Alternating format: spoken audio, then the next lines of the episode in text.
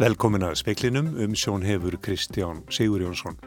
Búist er við að allt starfsfólk landsbítala verði búið að fá fyrri skamt bóluefnis gegn COVID-19 nú í mánuðinum. 579 starfsmenn voru bólusettir í dag. Kvikugangurinn á Reykjaneskaga heldur áfram að stækka og virðist færa snæri yfirborðið með degi hverjum. Skjáltavirkni mælist áfram.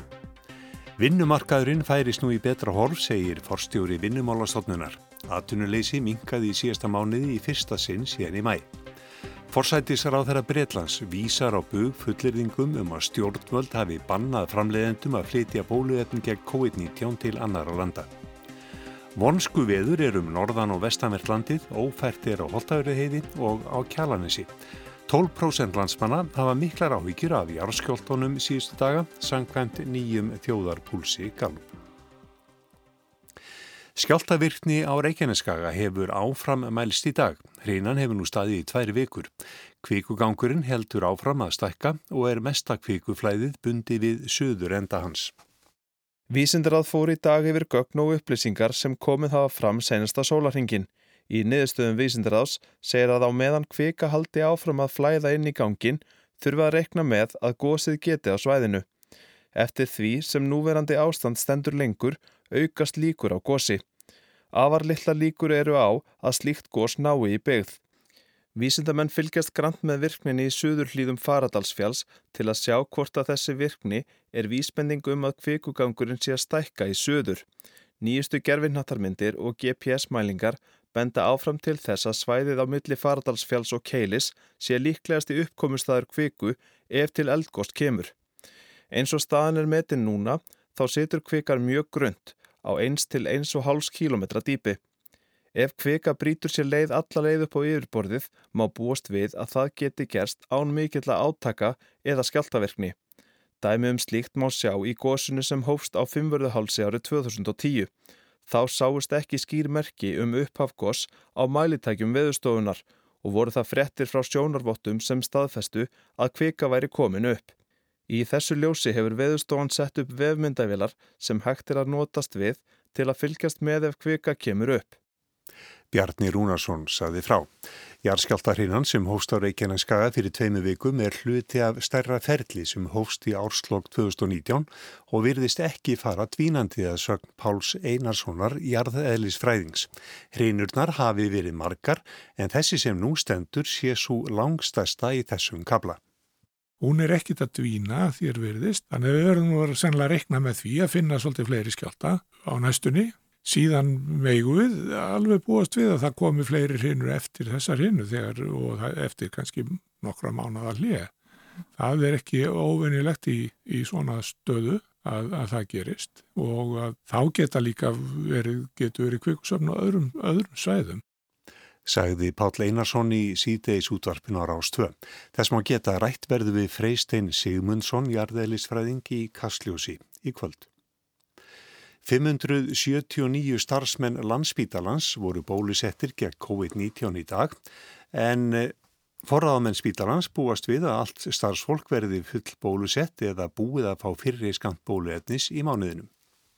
Ekkert kórunavírusmitt greindist innanlands í gær en á síðustu dögum hafa fimm greins með breska afbríði kórunavírunar innanlands utan sóttkvíjar. Þórólur Guðnarsson er sóttvartanleitnir.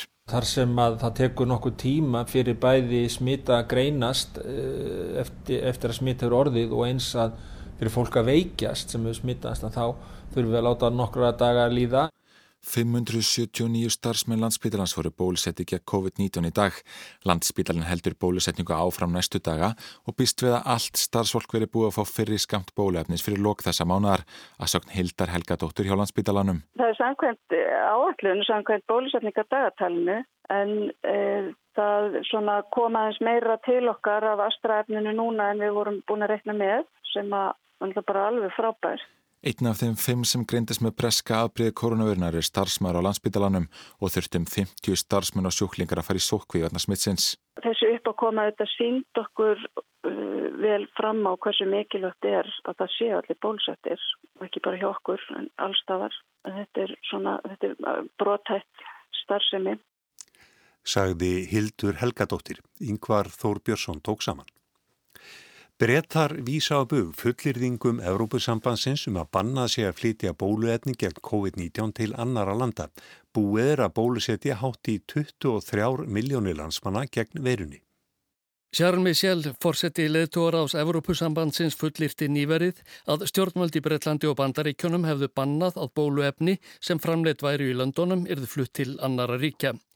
Brettar brúðust hart við þessu. Dominika Raab, utanríkisráð þeirra, sagði að þetta veri þvættingur og fulltrúi sendinemnd ESB í Breitlandi var bóðaður í utanríkisráðunetið þar sem formlegum mótmælum var komið á framfæri. Sjarmi Sjálf hefur síðan dreyið í land. Boris Jónsson fórsættisráð þeirra sagði á þingi í dag að hann vildi segja það skýrt og skorinort að hvorki væri bannað að flytja bóluefni nýja ráefni í það út frá Breitlandi. Let me be clear, we have not blocked the export of a single COVID-19 vaccine or vaccine components. Hann bætti því við að faraldurinn hefði gert það að verkum að allir stæði í sömu barátunni. Bresk stjórnvöld væri andvík bóluefnist þjóðarnishyggju af öllu tægi. Þá saði Boris Jónsson að Þingheimur mætti vera stoltur af því hver vel gengi að bólusetja bretta. Búið værið að bólusetja yfir 22,5 miljón landsmanna einu sinni. Ásker Tómasson saði frá. Unnur Sverristóttir, forstjóri vinnumálastofnunar, segir vinnumarkaðin nú færast í betra horf. Í síðasta mánuði minkaði aðtunleysi í fyrsta skipti síðan í fyrra vor. Í janúar var það 11,6% en 11,4% í februar. Það er náttúrulega byrjurlóðinu verðtíð, fyrsta lagi, og svo hefur verið losað um höftin og samkominnbannið, þannig að veitingatjónustan hefur tekið svolítið við sér og svona örlítið í ferðarþjónustunni líka. Þetta er kannski ekki mikið lækkun, þetta er 0,2% í heldina en jú, þetta er nefnilega kannski meiri lækkun en, en viðist vera vegna þess að oftast í februar þá hefur annarkort verið sama aðunleysi og í janúar eða jafnvel auki staðins svona í vennilegu meðalári. Þannig að þetta eru náttúrulega bísna góðar frettir við það sem er á undangengið sagði unnur Sverristóttir fjallaverður nánar um vinnumarkaðin síðar í speklinum. Hérastómi Reykjavíkur úrskurðaði í dag í áframhaldandi gæsluvarðhald vegna mandráps í rauðagerði í Reykjavík um miðjan februar. Úrskurðurinn gildir í viku til 17. mars og er á grundvelli rannsóknarhagsmuna að kröfu laurlunar á höfuborgarsvæðinu að því segir í tilkynningu frá ennbættinu. Fjórir eru í gæsluvarðhaldi vegna málsins. Það er vetrarfærði í flestum landslutum og víða ekkert ferðaviður, hvass viðrið er um allt vestanvertlandið og víða skafriningur og blind. Holtavörðu heiði er lokuð og vegurnum kjalanes sömu leiðis. Bent er á hjáleið um Mósfellseiði og Kjósarskarð en þar er reyndar slemt veður og skikni lítið. Þröskuldar eru lokaðir, Steingrimsfjörðar heiði er illfær, Siglufjörðarleiði er lokuð, einni vegurnum Ólasfjörðarmúla og Víkurskarð. Og veðustofan er með guðlar veður viðvaranir í gildi. Sigur Jónsson veðurfræðingur, það er skindilega komin vetur aftur. Já, já, það er að segja, hann var nú ekki búinn, en, en jú, jú, hann veturinn er aðeins að minna á sig og, og það verður, verður slemt veður áfram næsta sólaringin, e, gula viðverðin er í gangi raun og veru fyrir norðan alveg fram á háti og morgun og, og á vestfjörðunum til klukkan 18 og annað kvöld, þannig að við getum áfram gert ráð fyrir því að það verði kvassveiri eða stormur á heiðum og, og skafrendningur og svona e, erfið færð. Hvað sendur þetta lengi yfir? Sko förstu dagurinn verður nú svona, hann verður nú aðeins skári en, en, en það verður ennþá, ennþá svona nokkuð nokku stífur vindur og síðan hægt og rólega á lögadeginu gengur þetta niður og sundaginn ætti að vera komið e, þokkilegst að veðrum alland. Takk fyrir þetta Sigur Jónsson. Rúmlega 85% landsmanna segjast hafa fundið fyrir jarðskjáltum síðustu daga eða vikur. Ríflega helmingur landsmanna segjast hafa fundið fyrir miklum mikið fyrir skjáltum en rúmlega 37% segjast hafa fundið lítið eða ekkert fyrir þeim. Þetta kemur fram í nýjum þjóðarpúlsi Gallup. Nær 88% söðurnesjamanna segjast hafa fundið mikið fyrir skjáltunum og næstum 63% íbúa höfuborgarsvæðisins. Rúmlega 42% íbúa á Vesturlandi segjast hafa fundið fyrir þeim en færri annar staðar á landinu. 12% landsmanna hafa miklar áhyggjur af skjáltunum og flestir þeirra eru búsettir á söðurnesjum. Konur eru líklega en karlar til að segja skjáltana hafa valdið sér áhyggjum. 42% hvenna hafa mjög eða frekar miklar áhyggjur en aðeins 24% karla. Samkvæmt könuninni hefur helmingur landsmanna reynda að tryggja að húsmunir verði ekki fyrir tjóni eða valdi tjóni, frekar eldra fólk en yngra og tæpur þriðjungur hefur rifjað upp rétt viðbröð við skjáltum, mun frekar konur en karlar, 37% kvenna og 17% karla. Hildur Margrét Jóhannsdóttir tók saman.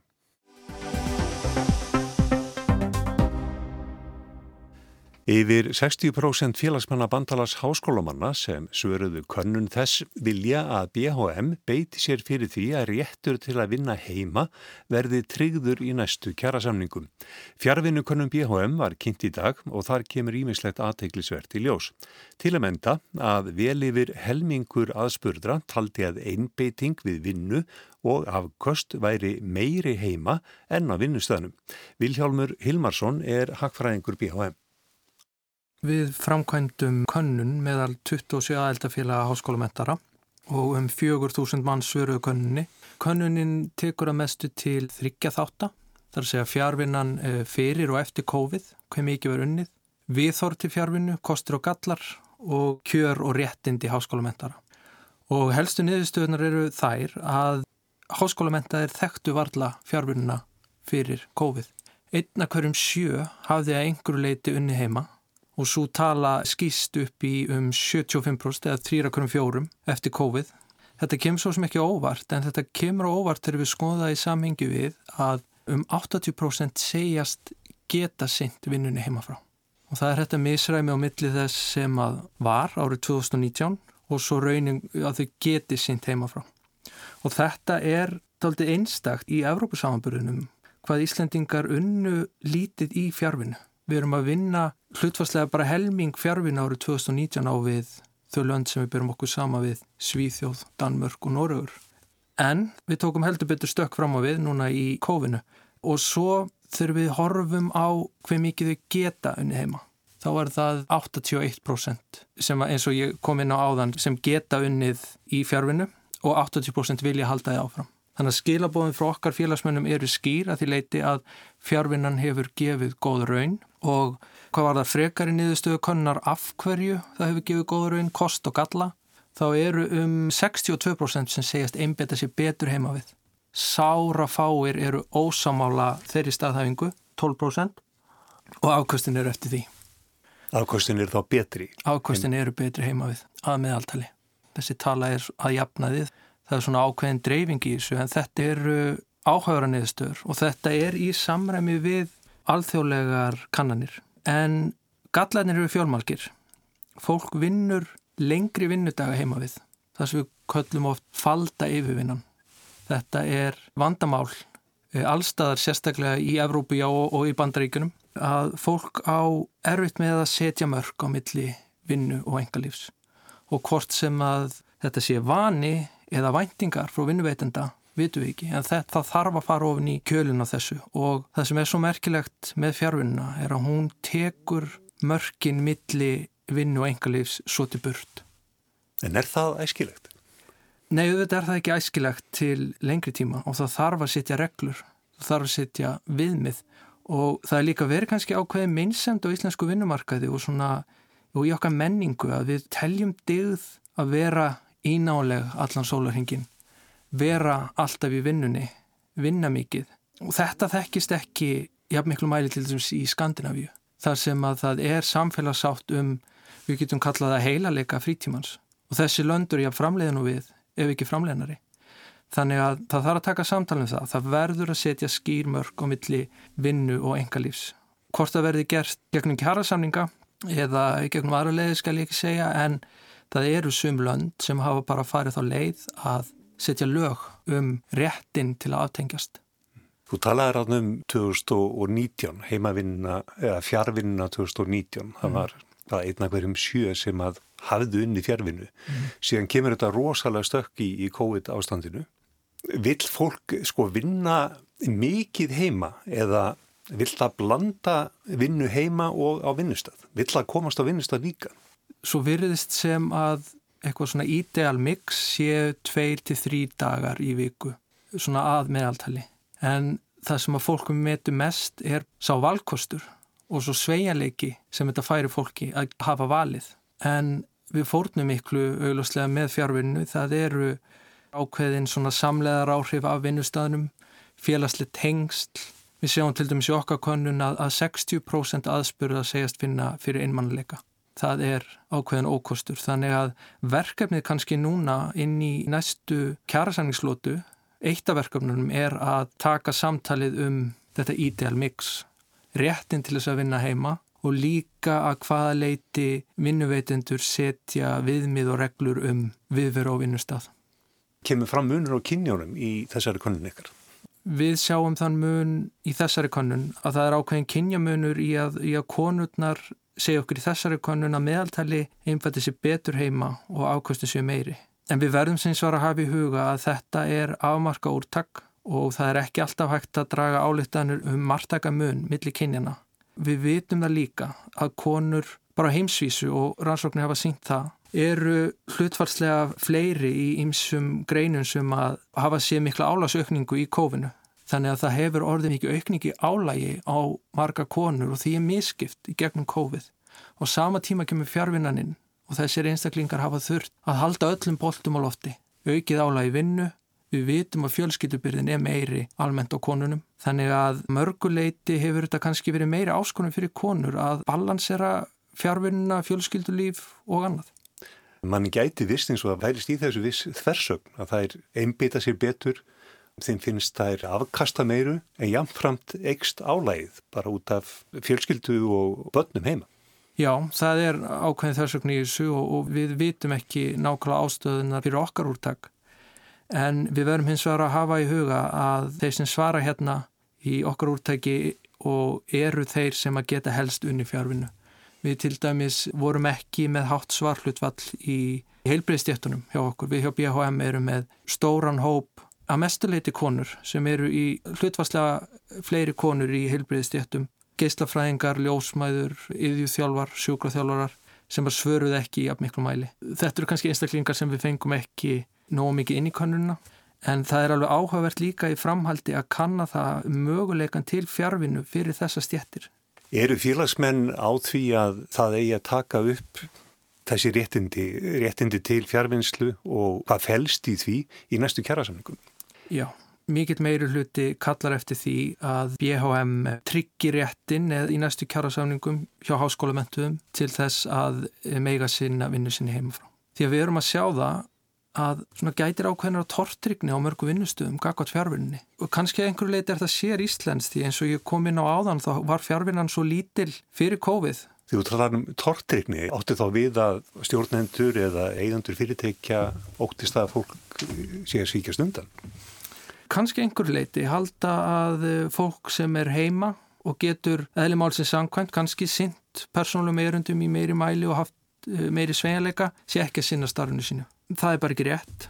Það eru sterkar vísbendingunum það í þessari könnun og líka heyruðu það bara út undan okkur. Það er þetta með vinnutíman. Það er eiginlega bara árunni 2020 sem að Íslendingar, það er svona mín kenning, tóku bara upp samtalið um hvað er vinnutími. Er rétt að skikka háskólamentaðan einstakling að vinna í lótu, átta tíma og skilgrindum stað og gera ráð fyrir að afkvöstin séu jöfni við daginn? Er það allra hagur að gera það? Ég held ekki og við sjáum það líka núna með styrtingu vinnuvíkunar, við sjáum það aftur og aftur að hún er á auka lífskeiði og framleinin eikst bara á þeim tímum sem fólk er í vinnunni. Þetta er svo afstætt með vinnutíman. Mm. Ef að fjárvinnsla verður meiri en áður, ef að vinnan fer að færast frá vinnustöðum yfir á heimilin, þýðir það ekki bara stórkostlega yfirfæslu peninga? Er ekki kostnar en þar með að færast yfir á heimilin? Það gæti gert það. Við getum bara tekið dæmi um hvað er að gerast í Európaborgunum. Til dæmis bara í miðborg London fyrirtækin eru að losa sig við helming skrifstórimis og sama tíma kemur skipun til starfsmanna um að vera heima. Það sem þau þurfa að sætta sig við óviðunandi búnað og vinnuveitandin hann sparar fastegnarkostnaðin eða, leiðukostnaðin og hagnað á sama tíma meðan launa fólk sittur eftir og þetta er, við getum bara hort á þetta svona að Fjárvinnan mun auka það sem kallað er heildar þáttaframlegin á Íslandi. Við verðum með launafólk eða starfsmenn það sem að hagfræðingar kalla oft því kalda orði vinnuafl sem er framleginara heima hjá sér og út úr hverju fjármagseiningu eru að fá meira ákvöst. En það færið við bara vinnustæðin inn á heimilin. Og þetta mun leiða til þess alveg ótvírætt að hagnaður í mörgum atvinningarinu mun aukast mikið til skamstíma. Framleiðinaukningin mun vissulega skila sér til allra en það mun getur líka aukið ójöfnuð og það er alveg skýrt hjá BHM að við viljum fanga eitthvað þessum ábata tilbaka til launafólksins. Fjárvinnan og uh, svo breyting sem verður á vinnumarkaði og vinnunni eh, henni samfara Er þetta helsta verkefni núna í aðdragandi næstu kjærasamninga? Þetta er eitt af stóru verkefnunum, já, myndi ég segja og mun meira á háskólaarminum, ef það er hægt að kalla þessum svo. Því að BHM eru heildarsöntök háskólamentara. Háskólamentara mörguleiti hafa aðrar áherslur í kjærasamningum heldur en eh, aðrir hópar samfélagsins og fyrir þess að 92.400 háskólamenta á Íslandi þá er alveg ljóst í skilningi BHM þá þarf að tryggja réttindi fjárvinu, það þarf að fanga ábatanar eitthvað litið tilbaka og það þarf að tryggja að búna þessi grittur. Og þetta er ekki eitt af þessum, ég mætti segja, verkalýðsmomentum þar sem að þetta er, eru við á móti þeim. Þetta eru sameilir hagsmunni allra að setja ákveðin struktúr í kringum fjárvinna og réttin til fjárvinna sagði Viljálmur Hilmarsson hagfræðingur BHM.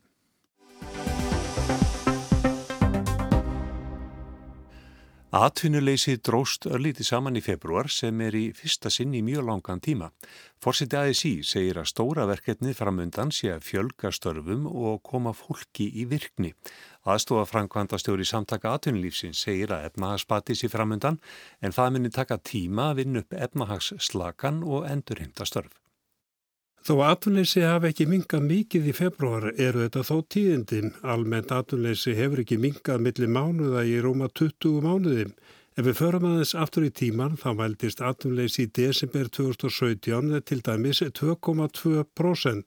2018 var það á þessu róli og í lok ásins var atvinnleysi 2,7%. 2019 tók atvinnleysið smá kip var á byrnu 3-4%. Fall vá í lok mars hafði áhrif, strax í april var atvinnleysi komið í 3,7%. Í byrjun ás 2021 helt atvinnleysi áfram að aukast lítilega. Það byrjaði að rjúka upp í mars. Í april var það komið í 7,5% og með hlutabótum var heildaratvinnleysi þá komið í 17,8%. Í lok ásins í fyrra var atvinnleysið 10,7%. En nú verist vera að rofa til í loka februar voru yfir 21.300 atvinnleysi skrá og fækkaðum tæplega 460 frá januar. Atvinnleysið mingarum með 2% stig og er nú 11,4%.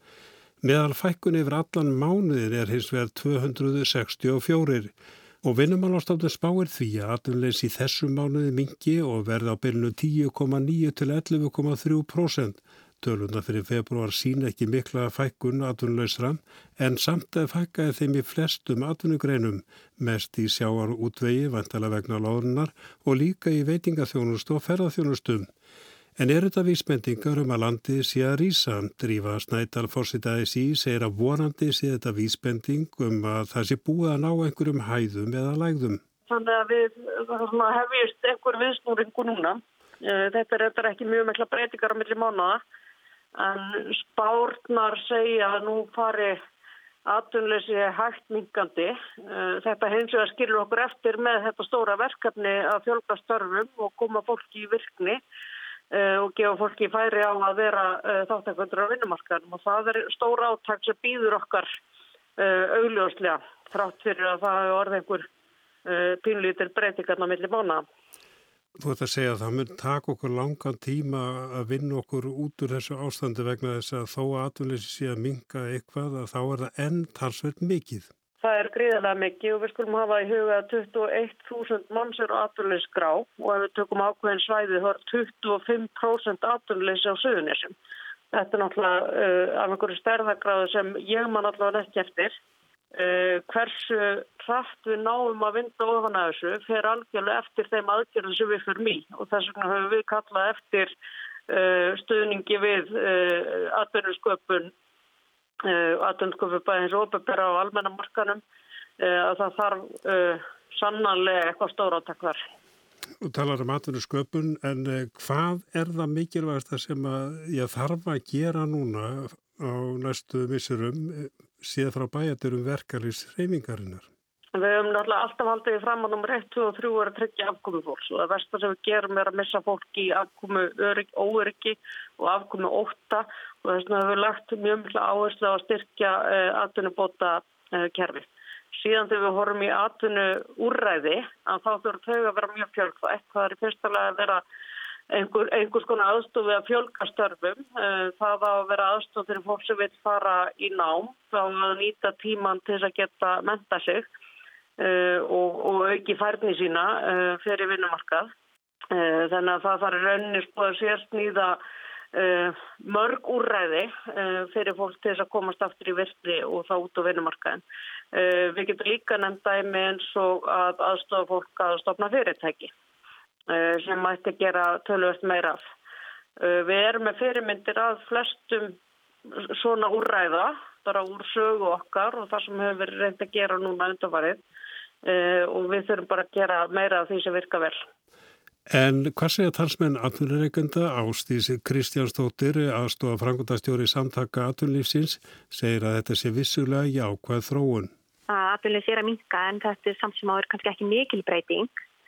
En það sem er kannski jákvægt í þessum tölum er að við erum að sjá að sem er að fækka í greinum eins og í veitingafjónustu uh, sem endur speiklar kannski einhverju leiti það að við vorum að liska fyrir aðgerðir og þess þá heldur er mikilvægt að, uh, að við náum að halda faraldri í skefum þannig að unsi að liska fyrir frekari aðgerðir. Þannig að við getum svona farið að sjá uh, innlend efnaðsumsöf aukast enn frekar.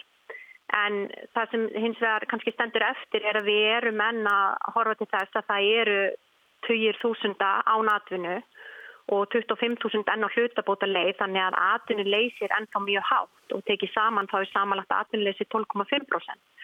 Og þetta er eitthvað sem við ekki, höfum ekki þekkt séða áður og þekkjum ekki okkur íslenskri hagsöðu. Þannig að það er ljóst að, að ennþá er gríðarlega fjöldi án vinnu og verður forgámsverkefni okkar allra næstu missir að endurhengta þessi störf. En, en það er ljóst að það, það mun taka mjög langan tíma fyrir okkur að vinna okkur út úr þessu ástandi. Jú, það er alveg rétt. Við sjáum þetta núna fyrir endan á þessum faraldri og efnaðspati er framundan og ég held að við getum öll sammælst um það að það er fagnar efni en það breytir þó ekki því að það er muntaka tíma að vinna upp þennan efnaðarslaka og endurheimta þessi störf og það sem við þurfum kannski líka að hafa í huga að eh, við getum ekki gert, verið 100% vissum það að þeir sem hafa mist vinnuna muni hverfa tilbaka í sín gamlu störf. Það er flestin bendið til þess að uh, það hafa ákveðna breytingar átt sér stað að það muni, við munum sjá að störmunum þurfa að flytjast milli atvinnugreina og þess vegna höfum við til dæmis spennt á það og mikilvægt aðgerið stjórnvald að séu ekki hort fram á veginn að frá hindra þessa nöðsilega aðlögun. Og þá er kannski líka í þessu samengi mikilvægt að hafa í huga að hér á landi eru greitt hálögn og þau eru almennt hærre en það sem við sjáum í flestum Evrópuríkjum og það er viðbúið að það verði samkeppni um þau störf sem munu skapast, ekki bara hér innanlands, heldur líka mun samkeppni koma erlendis frá, því að það er almennt eftirsoknavert að vinna á Íslandi. Um, en það beitir þó ekki því, ég menna við erum að sjá það að spári er að gera ráð fyrir að það verði haugvöxtur á, á þessu ári og komandi árum og við munum sjá atvinnuleysi lækka en hins vegar tel ég að það séu einhver tími sem mun fyrir að líða áður fara að sjá atvinnuleysi eh, á svipum slóðum og það sem við sáum áður en að faraldurinn eh, skall hér á. Þetta var Ástís Kristjánsdóttir, Arnar Páll Haugsson talaði við hana og Drífus Nædal. Það var helst í speklinum í kvöld að búist er við að allt starfsfólk landsbítala verði búið að fá fyrri skant bóluefnis gegn COVID-19 nú í mánuðinum. 579 starfsmenn voru bólusettir í dag. Kvikugangurinn á Reykjaneskaga heldur áfram að stækka og virðist færast nær yfir borði með degi hverjum. Skjáltavirkni mælist áfram.